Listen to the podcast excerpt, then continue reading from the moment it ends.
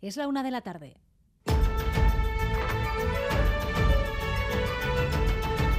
Crónica de Euskadi con María Cereceda. A Rachaldeón hoy vamos a contarles la historia de Merillo Barrera. Tiene 53 años y su vida cambió radicalmente hace nueve, cuando a causa de una enfermedad empezó a sufrir una serie de ictus que le han dejado prácticamente sin movilidad, con problemas de habla y atrapada en un cuerpo en el que ya no es feliz. Hace ya dos años que decidió pedir ayuda para morir y gracias a la ley de eutanasia va a poder hacerlo rodeada de sus seres queridos a Echiver Bilbao. Mary Jo ha sufrido sí 14 ictus en la última década, con 53 años no es la mujer que era, aunque mantiene su fuerte carácter y precisamente esto hace la situación aún más complicada. De sufrimiento físico es un sufrimiento del alma. Hace dos años, cuando se dio luz verde a la nueva ley, no tuvo dudas y solicitó poder morir. He podido despedirme de todo el mundo y de hacer un buen duelo. Además, Jo se va tranquila. Ha llegado el momento decir yo que sí y es. A partir de las 2 de la tarde les contaremos más en profundidad la historia de Mary Jo, también en Teleberry y en Gauregún, una historia en la que ha trabajado nuestra compañera Ainhoa Forundarena de Euskal Televista, con la que también podremos hablar en esta crónica de Euskadi. Por lo demás, estamos a cinco días de las elecciones municipales, forales y al Parlamento de Navarra.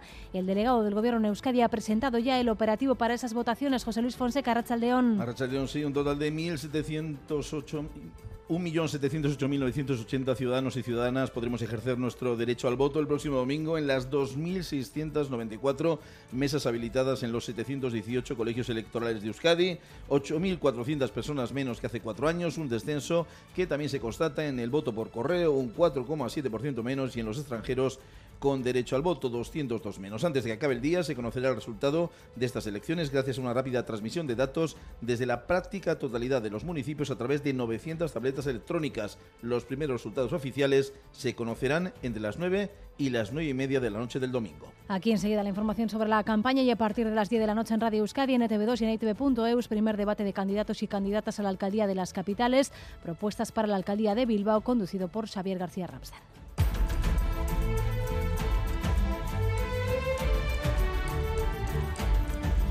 Euskadi acelera la recuperación de población. Tras la pandemia, las restricciones de movilidad habían reducido la llegada de migrantes estos años, que ahora son los que salvan el crecimiento vegetativo negativo. Rodrigo Manero, Arrachaldeón. Sí, Arrachaldeón, a 1 de abril, Euskadi cuenta con 2.221.000 habitantes, 2.200 más que en diciembre y casi 12.000 más que hace un año. Este aumento se debe exclusivamente a la llegada de inmigrantes extranjeros, 21.000 en el último año, porque el saldo negativo autóctono por la baja natalidad es negativo. La población acelera así la recuperación tras el bajón que se dio por la pandemia de COVID. Y tras meses de escalada, los precios de combustibles han comenzado a bajar. Seguro que lo ha notado al ir a repostar. Por primera vez están más baratos que antes de la guerra de Ucrania, pero el mercado sigue siendo muy inestable y no se descartan nuevas fluctuaciones. La subvención del transporte y la inflación han hecho caer las ventas en torno a un 20%. Por un lado tenemos el transporte público, que en muchos tramos está haciendo de forma gratuito o con importantes reducciones, y luego también, pues bueno, la situación de la inflación que tenemos en los precios hace que, el vehículo se utilice, eh, digamos que para los temas eh, indispensables. Es Nuria Aleco, presidenta de la Asociación de Estaciones de Servicio de Vizcaya y vicepresidenta de la Confederación Estatal. Y noticia de hace solo unos minutos.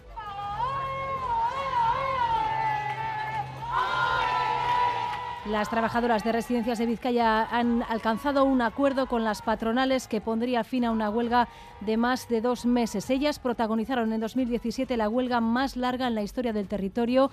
Ahora, dicen, podrían estar mejorando incluso lo que lograron entonces para poner fin a aquel conflicto.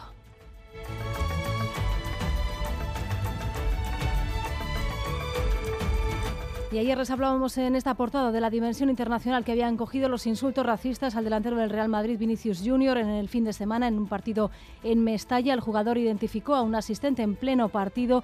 Hoy hemos sabido que hay tres detenidos de entre 18 y 21 años y que se siguen visionando las imágenes del encuentro para identificar a más personas. También se ha detenido hoy a cuatro ultras del Atlético de Madrid a los que se acusa de haber colgado el pasado mes de enero de un puente un muñeco ahorcado con la cara de ese mismo jugador. Hoy hemos tenido conocimiento de esas detenciones coincidiendo con este nuevo episodio cuatro meses después. Y revuelo en París en torno a la celebración el año que viene de los Juegos Olímpicos. Las autoridades de la capital francesa han presentado esta mañana la ceremonia inaugural y dicen que será la más grande, la más original de la historia, pero lo que seguramente va a tener es las entradas más caras, Oscar Pérez. 2.700 euros cuesta la entrada más cara para ver en primera fila la inauguración de los Juegos Olímpicos de París en el Sena. 100.000 espectadores podrán seguirla al nivel del río pagando desde 90 euros hasta esos polémicos 2.700. 10.000 atletas navegarán en 115 barcos ante 200 jefes de Estado y de Gobierno. Un desafío logístico y de seguridad, según el ministro de Interior francés. La ceremonia constituye un desafío excepcional es la primera vez en la historia de los Juegos y grandes eventos deportivos, incluido el fútbol, en que la ceremonia se celebra toda ella fuera del estadio, ha dicho Darmanin. Pero los Juegos han empezado a ser catalogados de elitistas por el alto precio de las entradas en la inauguración y también denuncian algunos para las pruebas de muchas disciplinas. En Chillidalecu se va a inaugurar esta tarde la exposición de la artista británica Fiida Barlow. La escultora fallecida el pasado mes de marzo visitó Chillidalecu en otoño y la muestra que se abre hoy es fruto de aquella visita. Se trata de una exposición diseñada ex profeso para Chillidalecu que dará a conocer aquí la obra de Barlow. Podrá visitarse en el Museo de Hernani hasta finales del mes de octubre. Mirilla Massa, es directora de Chillidalecu la primera muestra en España de la artista Philida Barlow.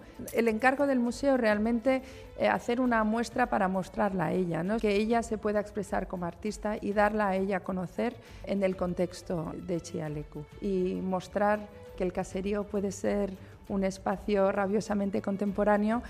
Titulares también del deporte, Álvaro Fernández Cadierno, Arrachaldeón. Hola Arrachaldeón, hoy tres citas deportivas y una despedida de Imanola Arregui que ha puesto punto final a 22 años al frente del Shota de Fútbol Sala, los Asuna Magna. En cuanto a las citas, pues tres como digo, en fútbol siete y media, Real Sociedad Almería, con la Champions a la espera. En baloncesto, 9 de la noche, Bilbao Basket Unicaja, la victoria metería de nuevo a los hombres de negro en Europa y la tercera en el Giro decimosexta etapa, etapa montañosa final en un puerto de primera categoría. En cuanto al tiempo, para la tarde se anuncia mayor inestabilidad y lluvias más intensas, sobre todo en el interior, con posibilidad de tormentas. Las temperaturas sin cambios. A esta hora tenemos 19 grados en Bilbao, Iruña y Bayona, 18 en Donostia y 17 grados en Vitoria-Gasteiz. En carretera se pide precaución en la Guipúzcoa 20, en Donostia en sentido Garbera, por la presencia de un camión averiado, según nos informa el Departamento Vasco de Seguridad.